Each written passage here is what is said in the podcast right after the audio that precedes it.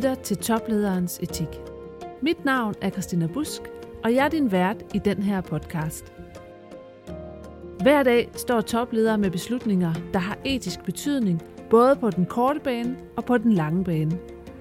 De fleste topledere har stor erfaring med at håndtere etiske problemstillinger og beslutninger. Og det er de erfaringer, jeg har sat mig for at få frem i lyset. Derfor tager jeg ud og møder en række topledere og har samtaler med dem om deres erfaringer med topledelse og etik. I det her afsnit af Toplederens Etik har jeg en samtale med Torben Møger Pedersen, der er CEO i Pension Danmark. Man kan sige om Torben, at han er pensionsordningernes fader og den grønne havvinds gudfar. For Torben er manden, der har designet vores sikkerhedsnet i pensionsalderen – for at sikre os, den helt almindelige dansker, en komfortabel og værdig alderdom igennem pensionsordningerne. Og det er også Torben, der troede på den grønne havvind og turde investere i den, da der ikke var ret mange andre, der gjorde det. Jeg er virkelig nysgerrig nu. Noget siger mig, at det ikke er så lidt, Torben har at sige om topledelse og etik.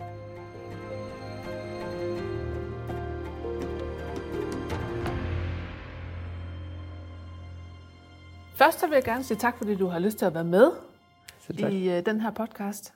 Men Torben, jeg vil gerne starte med at spørge dig, som direktør i Pension Danmark, øh, aktiv øh, støtter af havvind, da ingen andre troede på den.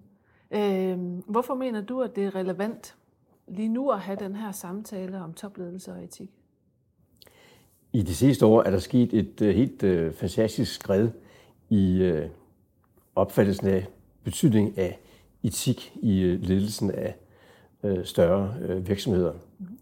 Man kan sige det på den måde, at efter en lang periode med dominans af den sige, angsaksiske virksomhedsmodel med ensidig fokus på aktionærernes udbytte, såkaldt shareholder capitalism, så er der i de seneste fem år sket en erkendelse af, at øh, det ikke længere er tilstrækkeligt for øh, virksomhederne i den verden, vi befinder os i i dag. Øh, og derfor tænker man nu i øh, en, en bredere tilgang til det at være virksomhed og virksomhedsleder. Nu har kaldt det stakeholder kapitalisme, hvor man ikke bare, det skal man også, man skal også tjene penge, for ellers er man ude af markedet, men det er ikke tilstrækkeligt. Så der skal altså tænkes ind, hvordan virksomheden agerer i forhold til sin omverden, i forhold til sine øh, medarbejdere, i forhold til sine kunder og sine øh, leverandører. Altså en mere holistisk øh, opfattelse af, hvad virksomhedens øh, rolle er. Mm. Og for at give dig to eksempler, så er øh, forståelsen af klimaudfordringen øh, nu øh, øh slået igennem øh, bredt i, øh, blandt, øh, i, i virksomhedsverdenen, i, i forretningsverdenen. Både fordi man øh, har forstået den øh, trussel, øh, klimaforandringen repræsenterer, men også fordi man jo har set øh, betydelige forretningsmuligheder mm. i at byde ind på, på klimadagsordenen. Øh, et tilsvarende øh, eksempel er øh, den øh, store øh, bevægelse i retning af øh, fokus på øh, øh ligestilling og mm. diversitet, øh, hvor øh, man i dag i øh, alle moderne virksomheder øh, nu efterhånden har politikker for, hvordan man kan fremme ligestillingen, øh, hvordan man kan udnytte den betydelige talentpool, øh, øh, den kvindelige del af virksomhedens arbejdsstyrke repræsenterer, øh, sådan at man her, ligesom på klimadagsordenen, kan se et sammenfald mellem den forretningsmæssige logik og øh, den etiske øh, logik. Jeg har til fornøjelsen af øh, øh, at være øh, fast deltager i World Economic Forums topmøder i, i Davos, hvor den her bevægelse er, er meget tydelig. På, nu har der ikke været noget topmøde af gode grunde her i 2021, men på topmødet i 2020 var det højst prioriterede emne, det var klima hvis du har gået fem år tilbage, så vil de ligge pænt langt nede på, på listen. Og øh, selv store øh, amerikanske virksomheder, som er ligesom kommet sidst med i den her bølge, øh, har nu der ser man nu, hvordan deres topledere stiller sig frem og øh, erklærer, at øh, der skal stilles høje etiske krav til, til virksomheden. I dag, hvis du skal, øh, hvis du skal rekruttere de bedste talenter, så skal du øh, Øh, have gjort dig klart, hvad dit virksomhedsformål, purpose, er. Når du taler med unge mennesker, som overvejer at søge ansættelse i din virksomhed, så øh, er det noget af det første, de spørger om. Altså, hvad gør den her virksomhed for at gøre verden til et bedre sted? Øh, det er ikke bare et spørgsmål omkring løn og vilkår og titler. Der er en klar forventning om, at man skal kunne se et større formål med sit, sit arbejdsliv. Tilsvarende, hvis du ser dine kunders reaktioner, så har de også en forventning om, at øh, du som virksomhed har styr på øh, etikken. Mm. Øh, og det, det vil så jo igen også afspejle sig i, at du som virksomhed stiller krav til dine leverandører. For det er hele værdikæden, hele supply chainen, der er på, på spil. Øh, så øh, hvis du som os er investor, øh, så øh, er øh, det er noget, der fylder øh, rigtig meget. Altså, mm. hvordan kan vi være en ansvarlig investor, der på samme tid øh, skaber et fornuftigt afkast til medlemmerne af Pension Danmark, men gør det på en måde, som bidrager, som, som gør, at vores investeringer bidrager til at løse nogle af de store udfordringer, øh, verden står overfor. Men kan man sige det sådan, Torben, øh, vi har måske traditionelt været vant til, at øh, etikken har været overladt til det politiske niveau, altså lovgivningsniveauet man siger, de har lovgivet, og så har vi holdt os inden for lovgivningens grænser, og det har også været det, vi har forstået som det, der var det etisk forsvarlige. Så vi har ligesom udliciteret tidligere, måske har vi udliciteret etikken til, til det politiske niveau. Kan man sige, at det måske er, er ved at vende, altså ikke at vi, øh, vi, vi spiller dem ud af banen, men at det faktisk nu også er erhvervslivet, der er dem, der går i front for det her og er med til at sætte den etiske dagsorden?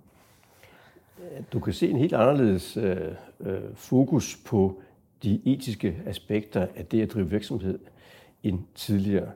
Øh, og øh, rigtig mange virksomheder og virksomhedsledere øh, har erkendt øh, betydningen af deres aktiviteter på, øh, på, sige, på, på samfunds øh, i, i bred forstand. Og øh, igen, øh, det er ikke i modsætning til at drive forretning. Du kan sige, at hvis du vil drive forretning i dag, hvis du vil moderne virksomhed, så skal du have tænkt igennem, øh, hvordan du forholder dig til de store spørgsmål som øh, klimaudfordringen, til øh, diversitet og ligestilling, øh, til øh, biodiversitet, øh, til øh, andre af de store udfordringer, vi, øh, vi står overfor. Øh, håndtering af data er et eksempel. Ikke, øh, øh, I internettets glade unge dage, ikke? der var der nemlig ingen ligesom, grænser for begejstring over at det, vi, vi kan. Øh, I dag er dataetik noget, der fylder øh, rigtig meget. Noget af det er også implementeret i lovgivningen. Mm. De såkaldte GDPR-regler, ikke, som lægger grænser for, hvordan man øh, skal håndtere personfølsomme øh, data.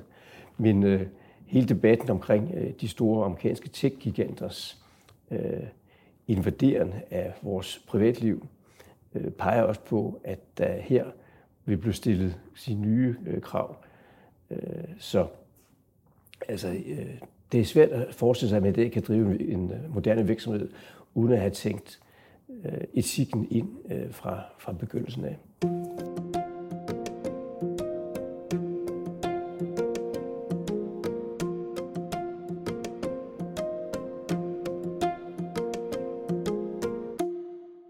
Så kommer jeg jo til at tænke på dit virke, øh, Torben. Når man kigger på din karriere, så kan man jo sige, så har du sådan set drevet en moderne virksomhed i rigtig mange år. så det er jo, man kan sige, at det med det etiske niveau er jo ikke noget nyt, øh, hvis man kigger på dit virke i forhold til, hvor, hvor forudseende du har været. Du har været med til at nu at lave en model, som rent faktisk understøtter vores velfærdssamfund, som sikrer, er med til at sikre os alle sammen i bund og grund en, en sikker og værdig øh, alderdom uden fattigdom. Øh, det var også dig, der, der, øh, der troede på havvinden, der andre måske rystede på hovedet og sagde, at det bliver aldrig til noget. Det, det er en storm, der går over. Der troede du på den. Men hvis du kigger sådan lige på din, kigger tilbage på, på de her år, hvad er det så, du tænker, der har haft den, den største etiske gennemslagskraft? Jeg har været i den hele situation, at jeg øh, øh, på et tidligt tidspunkt øh, blev øh, bedt om at øh, øh, udvikle en model for, hvorledes man kunne give øh, almindelige lønmodtagere øh, øh, opsparingsbaserede pensionsordninger. Og øh, øh, det øh, har jeg så beskæftiget mig med øh, i, i rigtig mange år, altså faktisk siden øh, omkring 1990. Og øh, øh, har for mig været en øh, øh, unik mulighed for at bruge min, øh, sige, min faglighed. Jeg er uddannet øh, kan politisk økonom, øh, til at gøre en forskel for andre. Og øh, det øh, er en, har været en øh, stor tilfredsstillelse gennem alle årene at kunne udvikle øh, hvad vi her kunne kalde velfærdssamfundets version 2.0, nemlig en øh, overbygning til de traditionelle øh, offentlige skattefinansierede velfærdsydelser inden for så forskellige områder som, øh, som pension. Altså det, at vi nu har et finmasket øh, opsparingssystem, som gør, at vi definitivt har afskaffet risikoen for fattigdom blandt vores øh, ældre, til øh, et omfattende sundheds- og forebyggelsesprogram, hvor vi øh, giver vores medlemmer adgang til gratis forebyggende behandling hos fysioterapeuter og kiropraktorer.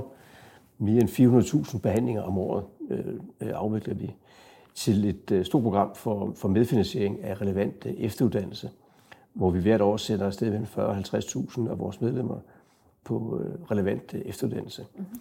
Så vores sundhedsprogram det handler om at hjælpe medlemmer med at passe på deres helbred, og vores efteruddannelsesindsats handler om at hjælpe dem med at passe på deres kompetencer, sådan at øh, øh, på begge områder øh, kan de så have et øh, godt, langt og sundt øh, arbejdsliv og gå på pension med øh, helbredet i behold og med en øh, rigtig stor opsparing, fordi de har været erhvervsaktive gennem hele deres, øh, hele deres arbejdsliv. Mm. Øh, og klart, det øh, har vi så samtidig kunne gøre på en måde, hvor den måde, vi har investeret medlemmers opsparing på, og den er nu ganske betydelig, 300 milliarder kroner øh, passer vi på, øh, som har kunnet sætte nogle nye standarder for, hvordan man er ansvarlig investor. Vi er en meget stor bygherre, vi er en af de største private bygherrer i, i Danmark, og har i de sidste 10 år øh, arbejde efter en model, hvor alt det, vi bygger, hvor vi er bygherrer, skal kunne bæredygtigt certificeres. Og det er sjovt at tænke tilbage på, at da vi kom med den melding tilbage i 2011-2012 stykker, der blev det øh, af mange i den her lidt konservative ejendomsbranche opfattet som sådan noget lidt øh, hippieagtigt. Øh, mens i dag er det jo blevet mainstream. Så øh, entreprenører, arkitekter, øh, ingeniører, de står nærmest i kø for at få lov til at arbejde sammen med os, mm. fordi man har erkendt, at øh, bæredygtig byggeri er øh, fremtiden. Øh, og det skyldes, at man kan må konstatere, at det er det, så at sige, kunderne vil have. Når vi bygger boliger, betyder det meget for de unge familier at kunne øh, øh, se, at øh, den bolig, de flytter ind i med deres børn, øh, er bygget af bæredygtige materialer, og at de kan fortælle deres børn, at øh, vi øh, øh, på alle måder lever op til øh, de højst tænkelige standarder inden for, for, for klima og energi. Og når vi øh, bygger et domicil til en virksomhed, et stort kontorhus, så er det ikke kun øh, den CSR-ansvarlige, der kigger på det med bæredygtighed. Det synes øh, CFO'en også er vigtigt, fordi man godt kan regne ud, at øh, udgifterne per medarbejder øh, Øh, i et øh, bæredygtigt og optimeret byggeri er, er lavere end i konventionelt byggeri.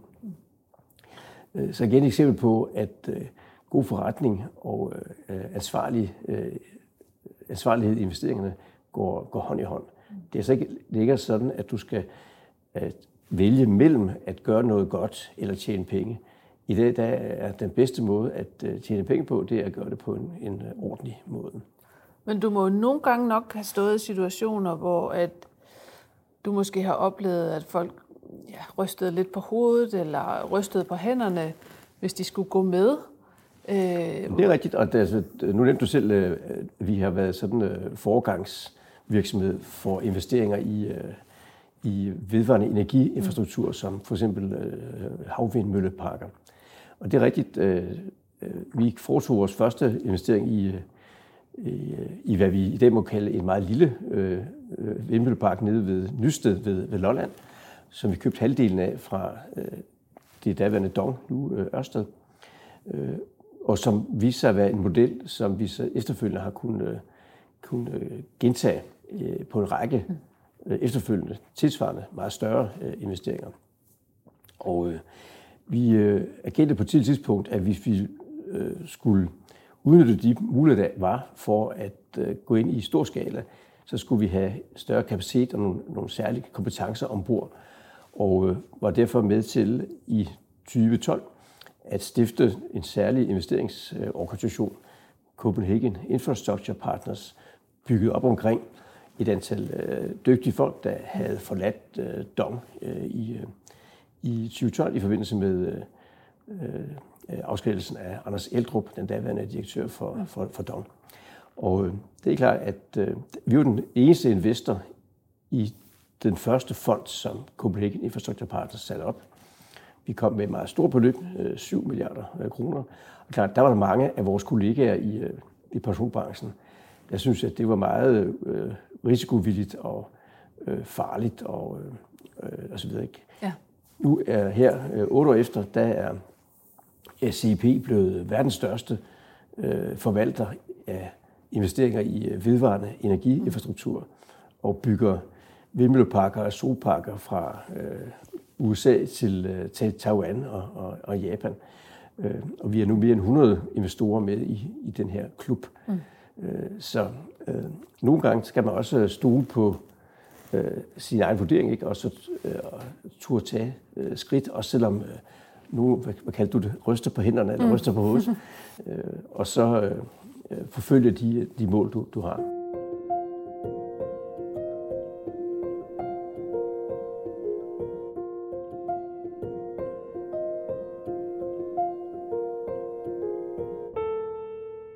så kan jeg blive nysgerrig på, hvordan, hvordan man der har, har set ud i jeres øh, strategistyrerum. Øh, hvad, hvad, har du, hvad har I brugt for at kunne holde fast i, i de mål, I har sat jer? Altså, hvad, hvad det, er, er det jeres purpose? Er det, er det de grundholdninger, som Pension Danmark øh, bygger på? Eller hvad, er det, hvad har I brugt til alligevel, at I var sikre på hænderne der, da alle andre blev lidt shaky? Øh, vi har øh, altid øh, haft en øh, stærk øh, innovativ øh, kultur, og, øh, og har også haft en, skal sige, en organisation med en meget flad struktur, hvor der er kort, korte kommandoveje. Der er, ikke, øh, der er ikke så langt fra den gode idé dukker op øh, til den bliver besluttet og eksekveret. Og øh, det handler om jo at sørge for, at de medarbejdere, man får ombord, øh, også øh, tænder på at gøre tingene på nye og bedre måder, mm. og, øh, og give dem rum øh, til det. Øh, det gælder inden for investeringspolitikken, øh, hvor vi øh, har været first mover inden for bæredygtigt byggeri og investeringer i, mm. i, i grøn energiinfrastruktur. Men det gælder også i den måde, vi har bygget vores pensionsforretning op på, hvor vi for et meget tidligt tidspunkt valgte at være så digitale som muligt. Det lyder ja. mærkeligt i dag, men vi er faktisk det, vi er det første pensionsselskab i Danmark med egen webside, egen hjemmeside tilbage i 1996. Øh, det kan man ikke forstå i dag, men det, det var faktisk øh, noget helt nyt øh, ja. dengang. Og øh, der er jo været flere generationer af digitale teknologier øh, siden da. Og vi er nu øh, meget langt med anvendelsen af øh, robotics, altså robotteknologi og, og machine learning i vores administration. Øh, så rigtig mange processer, som før blev håndteret manuelt, bliver nu håndteret af robotter, øh, som både er med til at holde vores omkostninger nede. Det giver mere i opsparing til medlemmerne, bedre pensioner, men øh, har også frigjort øh, tid, så vores dygtige medarbejdere nu kan gøre det, de er bedst til, og altid vil være bedre end maskinerne til, nemlig den empatiske samtale med, øh, med medlemmet. Mm. Så vores øh, sygeplejersker, de skal ikke nu længere bruge tid på at sidde og øh, rekvirere journaler og, og, og læse blanketter. Øh, det gør robotten. Øh, man kan til gengæld så ringe til øh, det medlem, der øh, måtte have en helbredsudfordring, og tage en, en samtale om, hvordan vi kan hjælpe med, med det. Så øh, Altså virkelig er det at tænke digitalt, øh, selvom det kan lyde sådan øh, koldt og teknisk, så er det faktisk en måde, hvorpå man kan gøre sin øh, virksomhed, øh, altså at de varme hænder, de får lov til at gøre det, de er gode til. Ja. Så, så, så øh, hvis jeg skal, altså de spørgsmål om, øh, hvad der har været sådan øh, øh, driveren, mm. så er det i høj grad en, en, en øh, bevidst systematisk fokus på, at vi vil gøre en, øh, en forskel, at vi har meget stor respekt for de medlemmer, hvis øh, pensionsopsparing vi passer på, og øh, øh, øh, har hele tiden øh, en, den vurdering inde, om den idé, vi nu arbejder med, vil den gøre øh, tingene bedre for vores øh, medlemmer. Mm. Det er sådan et, et, et, et, øh, en test, og hvis øh, der ikke er værdi i det for medlemmet, så, så bliver øh, den helt ned ad brættet, den, mm-hmm. den idé. Ikke? Mm. Øh, så, så det er sådan et, et godt øh, etisk-moralsk kompas, at hele tiden teste det på. Ikke? Ja. Tilsvarende, ikke, at øh, når vi er så optaget af at have, have, holde vores øh, administrationsomkostninger i bund, ja, så fordi det er en af de mest sikre måder, hvorpå man kan øh, øge medlemmernes øh, opsparing, og dermed give dem gode øh, mm. pensioner. Så jeres, hvad skal man sige, øh, jeres view der har hele tiden været på medlemmernes interesser, ja. og det er egentlig det, der har også har, sporet etikken ind ja, det, den vej. Den ja, har... det er en, et godt øh, etisk kompas mm. at sige, at øh, Øh, vi er en virksomhed, som er sat i verden for at øh, give øh, almindelige danske lønmodtagere gode pensioner, gode sundhedsordninger, relevant efteruddannelse. Og hvis og det skal vi hele tiden ligesom teste vores aktiviteter op imod. Ja. Så, så hvis vi går i gang med et nyt projekt, så er det første, vi spørger, det er, hvordan vil det her øh, gøre øh, tingene bedre for, for medlemmerne derude i den, i den anden ende af systemet.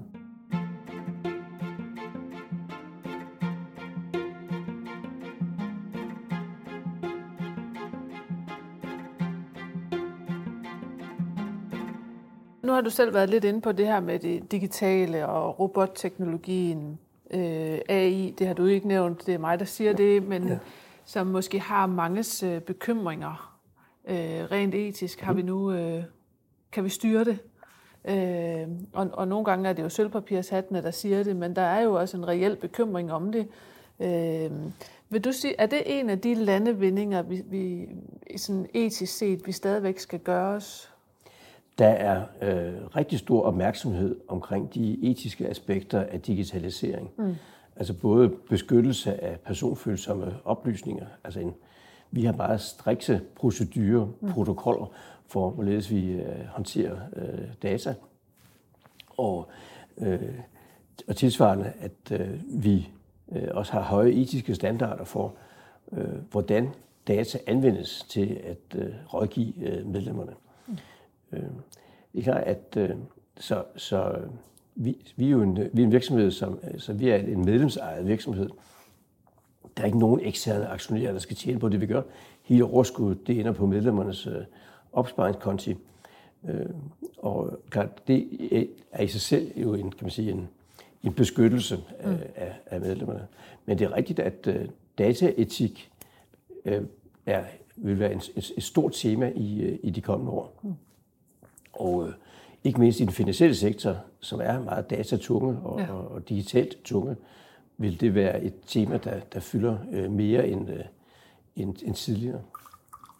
Eller hvis du skulle prøve at sige noget om, hvis man nu sidder som upcoming topleder i dag, øh, måske er man lige blevet det, måske er man i et talentprogram for at skulle blive det, eller, og, og ingen ved jo altid helt, hvem der ender med at blive det i sidste ende, men, men, men hvad vil du sige til dem? Hvad, hvad skal de kunne, sådan rent etisk? Øh, det lyder næsten som om, at etikken i sig selv bliver en kompetence, man skal have med sig som, som topleder. Ja, altså øh, man skal øh, være i stand til at kombinere sin kan man sige, fagfaglighed mm. med øh, et øh, stærkt blik for den verden, man er en øh, del af. Altså, hvis nu du skal være inden for økonomi og finans, så skal du selvfølgelig også kunne regnearket og modellerne. Men du skal også have en klar forståelse for den kontekst, du indgår i, både som medarbejder og som øh, virksomhed. Mm. Altså, øh, det er det her med, med purpose. Øh, ja. Og øh, jeg vil sige, øh, nu har jeg, øh, øh, har jeg sådan et, et, et, et bidjob som bestyrelsesformand på øh, Copenhagen Business School, uh-huh. hvor vi netop har vedtaget en ny strategi, som øh, handler om at øh, udstyre de, de studerende, altså de kommende kandidater, med det, vi kalder transformative kompetencer. Altså, du skal kunne de der grundlæggende businessfaglige øh, fag, som, øh, som ligger i at være uddannet på en, en business school, men du skal også derudover øh, have kompetencer, som gør, at du kan understøtte øh, den digitale transformation, virksomhederne står overfor, og øh, have en forståelse for øh, de øh, værdier og samfundsudfordringer, enhver virksomhed må forholde sig øh, til. Ja. Så vi har lidt kaldt det, at, øh, at øh, vi vil gerne have, at øh, vores studerende, de virkelig afgiver, hvad der kunne sammenlignes med et, et lægeløfte. Mm-hmm. Altså at Interessant. de ja. Skal have en forståelse for, at det, de har lært, deres fagfaglighed, først kommer til fuld udfoldelse, når de kan bruge den til at øh, facilitere øh, transformationen i de virksomheder, de ender med at blive ansat i. Så der er sådan, hvis vi sådan skal kigge på, nu taler vi jo i etikken meget om, om dyder, som er et øh, virkelig gammelt klassisk begreb mm. om og nogle bestemte egenskaber, man har med sig som menneske, når man udfører sit, sit virke. Og også der lægeløftet øh, kommer ind, kan man sige. Men men er det, altså, er det egentlig en dyd, hvis man kan kalde det det, det her med at, at, at begynde at træne de studerende i at se, at der, ligger, der er en forpligtelse med deres fagfaglighed, som rækker ud over dem selv? Kunne man sige det? Jamen det synes jeg er helt rigtigt øh, formuleret. Altså at øh, det er ikke nok, at du kan øh, regnearket. Du skal også forstå den sammenhæng, den indgår i, og have forståelse for konsekvenserne af øh, de aktiviteter, din virksomhed er involveret i. Mm. Ikke? Øh, øh, så øh, du skal forstå, at øh, en moderne virksomhed, den skal øh, forholde sig øh, afklaret til en række kan sige, udfordringer og dilemmaer. Øh, det drejer sig om øh, øh klimaet og øh, sige, om hyggelig omgang med ressourcer. Mm-hmm. Det handler om øh, den måde, man øh, behandler hinanden på i virksomheden og sin, den måde, man behandler sin sine kunder på. Mm. Og, øh, øh, altså, i, og i hele taget kan man sige, øh, sørge for, at den etiske fordring øh, er, øh, er tydelig og, og indgår i, øh, i, øh, i undervisningen. Mm-hmm. Øh, og jeg synes også, man kan se på de virksomheder, der har succes og som er gode til at tiltrække ung talent, og også dem, hvor øh, topledelsen er øh, synlig i at øh, i talesætte virksomhedens øh, sociale ansvar og, øh, og, øh, og samfundsansvar i det hele taget. Mm-hmm. Så det er måske også øh, i virkeligheden, selvom at de yngre generationer ofte bliver beskyldt for at være egoistiske og selvoptaget og hvad vi ellers skal finde på at kalde dem, men der er måske i virkeligheden også en bevægelse hos de unge i også gerne at ville noget andet og noget mere, end bare at få opfyldt deres egne behov. Ja, helt sikkert, og jeg, jeg er helt uenig med dem, der karakteriserer den unge generation som øh, egoistiske og, og, og forkælet.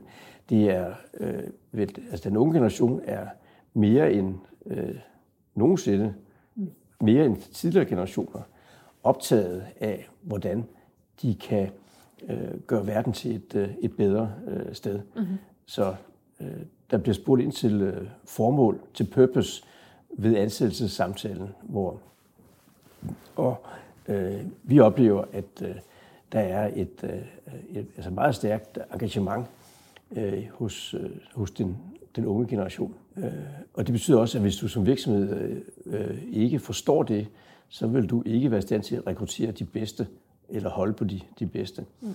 Øh, så det vil også være en forretningsmæssig øh, øh, forkert disposition, så at sige, at, at overse, at øh, den, den unge generation har øh, stærke etiske øh, fordringer mm. til, øh, til virksomheden. Så den er måske i virkeligheden lidt mere alvorstung, end vi har set uh, tidligere generationer være. Ja, og øh, man kan også sige, at den, på grund af demografien ikke, så er øh, talentfulde unge jo i høj efterspørgsel. Mm. Øh, og øh, virksomheder, der ikke formår at tiltrække dem, de vil få problemer. Mm. Øh, så også her er der et godt sammenfald mellem, hvad der er forretningsmæssigt, hensigtsmæssigt, og hvad der er øh, sige, øh, etisk øh, forsvarligt.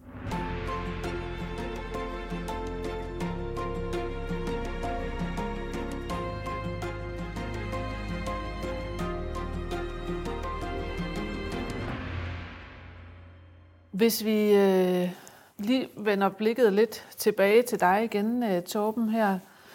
Så når vi har med etik at gøre, og med de beslutninger, du har truffet igennem din karriere, så, øh, så har det jo også en pris. Hvad, hvad vil du sige, men hvad, hvad, hvad har du gjort for at kunne holde fast i din egen integritet og ikke blive skubbet rundt i managen? Fordi det er vi jo alle sammen i risiko for, for der er jo mange holdninger og mange, der gerne vil give dem til kende. Men, men, men hvad har du gjort? Ja, det øh, handler vel om at øh, være øh, open-minded, altså have øh, en høj grad af nysgerrighed mm. og øh, være øh, i dialog med din omverden, dine kollegaer. Og øh, det, er, det her med, at vi har, øh, har to ører og en mund, ikke? altså man skal være god til at lytte. Mm. Øh, og øh, øh det er gennem dialogen, vi når de bedste øh, resultater. Mm. Øh, så, øh, så, så mit svar på dit spørgsmål, ikke, øh, det er øh, altså nok en opfordring til at øh, være, nysgerrighed, ny, være nysgerrig over for øh, den verden, man, man lever i, og hele tiden stille sig spørgsmålet ikke, om, øh, om kan vi gøre det lidt bedre, mm-hmm. øh, end, end, end vi gjorde i går. Ikke? Mm. Øh, så, og om der er omkostninger ved det, jeg vil nok sige, at øh, som på det personlige plan, tror jeg, at omkostningerne ved ikke at gøre noget sådan er, vil være større. Øh, så jeg opfatter ikke det at øh, have øh, et, øh, et etisk formål med dit, øh, dit arbejdsliv som et som en pris, man skal betale. Jeg vil, nok, jeg, vil, jeg vil nok egentlig tro, at hvis man havde glemt det etiske kompas, ville det have efterladt en med, med større omkostninger end, mm. Så igen her, øh, det at opføre sig ordentligt, det er ikke noget, der står i modsætning til at øh, være, have succes i, mm. din, øh, i din virksomhed. Du kan nærmest sige det omvendt. Og prisen er større ved lade være. Ja, det, det vil jeg nok sige. Også personligt. Person, måske ja. Og det er også vigtigt, når man på et tidspunkt trækker sig tilbage, at man så kan se tilbage på sit arbejdsliv øh, og sige, at øh, du gjorde faktisk en, en forskel. Ja. Er der nogle dilemmaer, som når du kigger tilbage, jamen de har været, været særlig vanskelige at stå i? Ja, der er for mange dilemmaer, der knytter sig til den måde, man øh, udfylder rollen som ansvarlig investor på. Mm.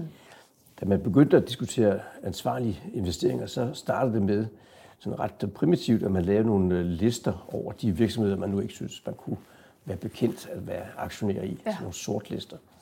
Det gik jo ret hurtigt op for, for investormiljøet, at øh, det jo bare betød, at nogle andre mindre ansvarlige investorer købte de her ja. aktier, og der skete mm. egentlig ikke nogen forandring. Øh, og det førte til, at sådan, ligesom det kunne kalde version 2.0 af ansvarlige investor, øh, hed, øh, vi skal være øh, udvise aktivt ejerskab. Det vil sige, de virksomheder, hvor vi er aktionærer, der skal vi gå i dialog med dem og hjælpe dem med at udvikle sig, altså få flyttet deres forretningsmodeller i en, en rigtig mm. retning. Mm. Øh, og det er i dag sådan den øh, helt mest udbredte form for øh, øh, varetagelse af din opgave som ansvarlig investor. Mm-hmm. Og er nu på vej til det, du kan kalde version 3.0, hvor øh, sådan nogen kalder impact investing, altså hvor du også måler på, hvordan dine investeringer øh, har en positiv øh, effekt mm-hmm. på øh, større samfundsmæssige målsætninger. Det kunne fx være øh, mål der op imod øh, FN's 17 øh, bæredygtighedsmål. Ja. At have det som værdi, det har vi her i Pension Danmark valgt at have som vores værdigrundlag. Mm-hmm. Og prøve også at måle, øh, hvordan det vi gør øh, har positiv impact øh, herpå. Mm-hmm. Men der er mange dilemmaer.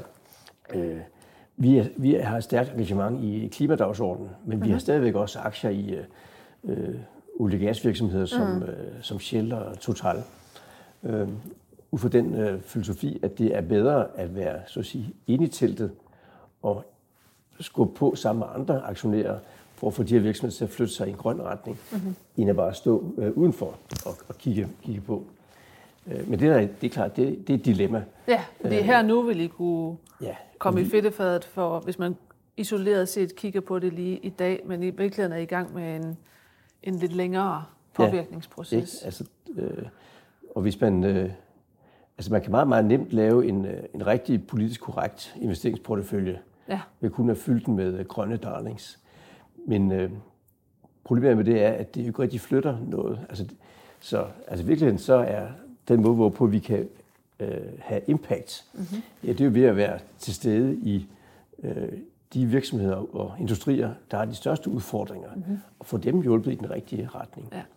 Øh, og det lykkes jo godt. Altså, øh, Shell er nu øh, en af de øh, helt store spillere på den, øh, den grønne mm. agenda, og en af de, er blevet en af de store aktører inden for for eksempel havvind.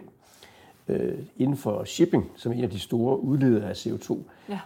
har vi også i de sidste år set en fantastisk udvikling, hvor øh, et, en virksomhed som AP Møller Mærsk mm-hmm. øh, jo har en af de mest ambitiøse målsætninger for øh, reduktion af, af sit CO2-aftryk ved omlægning af sin flåde til, øh, til ikke-fossile øh, brændsler. Mm-hmm.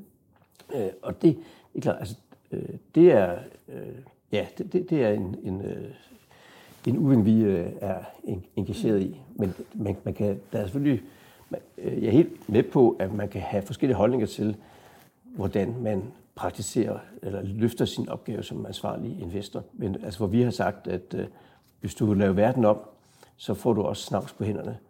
Og det er klart, det kan man godt også ud fra et etisk synspunkt uh, diskutere. Mm-hmm. Ikke?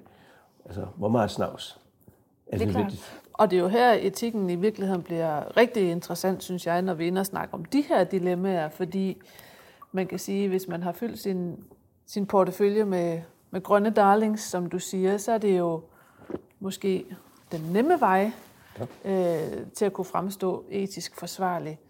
Men man kan sige, hvis vi konsulterer etikken også øh, flere tusind år tilbage, så kan man sige, at etikken har måske aldrig været fortaler for den nemmeste vej. Nej. At det er den, der er den mest etisk forsvarlige vej. Det nogle gange ja, så betyder det også, at man skal have beskidte hænder, ikke? Ja. Øh, for, at kan, for at kan rydde op. Ja, og det, og det skal man så gøre øh, helt åbent og transparent. Mm. Øh, og det er, at de her emner, vi har talt om, det er nogle, vi, vi tit øh, drøfter med, øh, med vores bagland, altså når vi har møder med ja.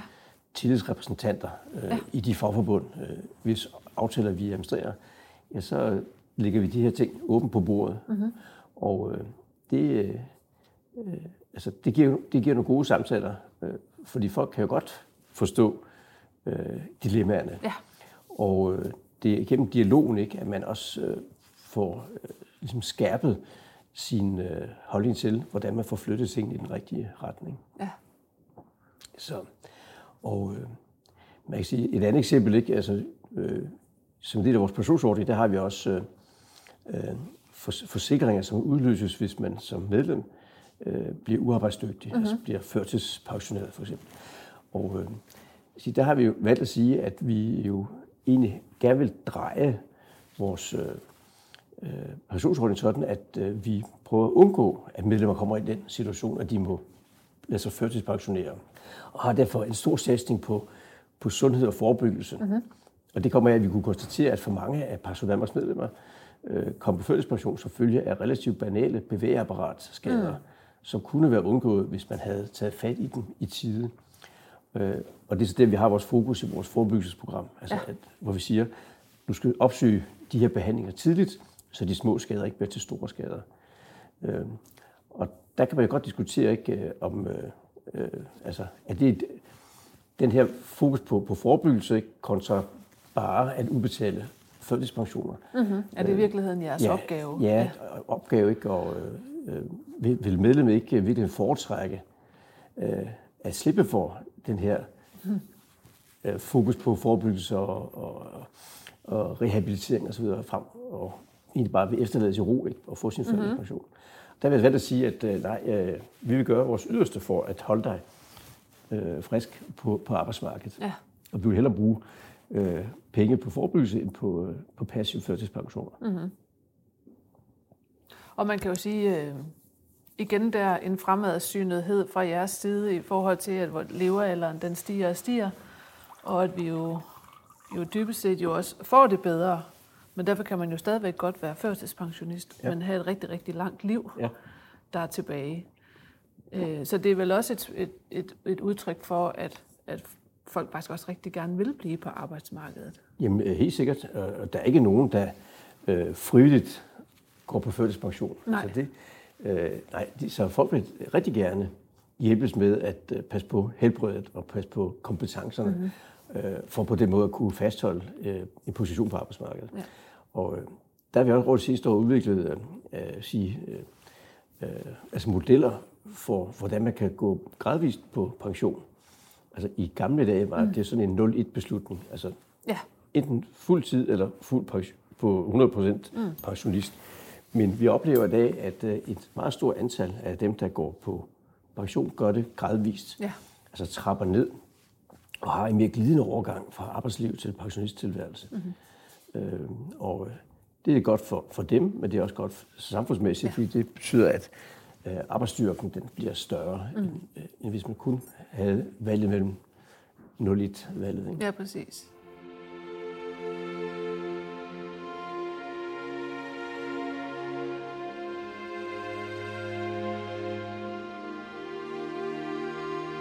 Hvis du lige her sådan, øh, til slut, Torben, skulle prøve at give øh, et godt råd, og det er jo altid svært at give et godt råd om, om etik, fordi man ved aldrig helt, hvad det er for nogle dilemmaer, andre topledere står i. Men, men hvad vil du sige sådan, øh, om, omkring det etiske? Hvad, hvad vil være et godt råd at give til eksempelvis en, en ny topleder? At det er rigtig vigtigt, at man øh, øh, har tænkt de etiske og moralske aspekter af sine handlinger, herunder også sin virksomhedsmodel, godt igennem. Øh, den tid, vi lever i, øh, den øh, er kendetegnet ved høj grad af transparens. Man kan ikke gemme sig, og man skal derfor have en, en, en klar holdning til, hvordan du som topleder agerer i det etiske univers. Mm-hmm. Det handler om at være bevidst om, hvordan din virksomhed lever op til øh, klimaudfordringerne. Det handler om, hvordan du som topleder kan facilitere øh, ligestilling øh, og respekt for, for, for, for, for, for kønnene i, i, din, i din virksomhed. Mm. Hvordan du kan tilrettelægge den måde, du driver virksomheden på, som fører til størst arbejdsglæde og tilfredshed hos dine medarbejdere. Mm. Det, det, det så, så, det, så det, det at uh, have det etiske kompas i orden, det er en ret bredspektret, eller du kan kalde det holistisk uh, ja. Tilgang. Mm-hmm. Uh, og det uh, er ikke nok alene at have fokus på, på bundlinjen. Uh, det skal også være i orden, fordi ellers er du out of business. Mm. Men uh, der er væsentligt større krav i dag til en topleder, end bare at uh, skabe størst muligt overskud. Mm. Man skal også tænke øh, etikken øh, ind. Man skal opføre sig ordentligt. Tusind tak øh, for det, Torben. tak. tak fordi, at du havde lyst til at være med til det. Du har lyttet til Toplederens Etik. Jeg var din vært, Christina Busk. Hvis du er blevet nysgerrig eller inspireret og har lyst til at læse mere, så kan du følge os på LinkedIn eller på Facebook, hvor du finder os under Toplederens Etik. Og hvis du kan lide det, du hører, så må du meget gerne give os en anmeldelse i din podcast-app, så du hjælper med at sprede budskabet om toplederens etik. Tak fordi du lyttede med, og vi lyttes ved.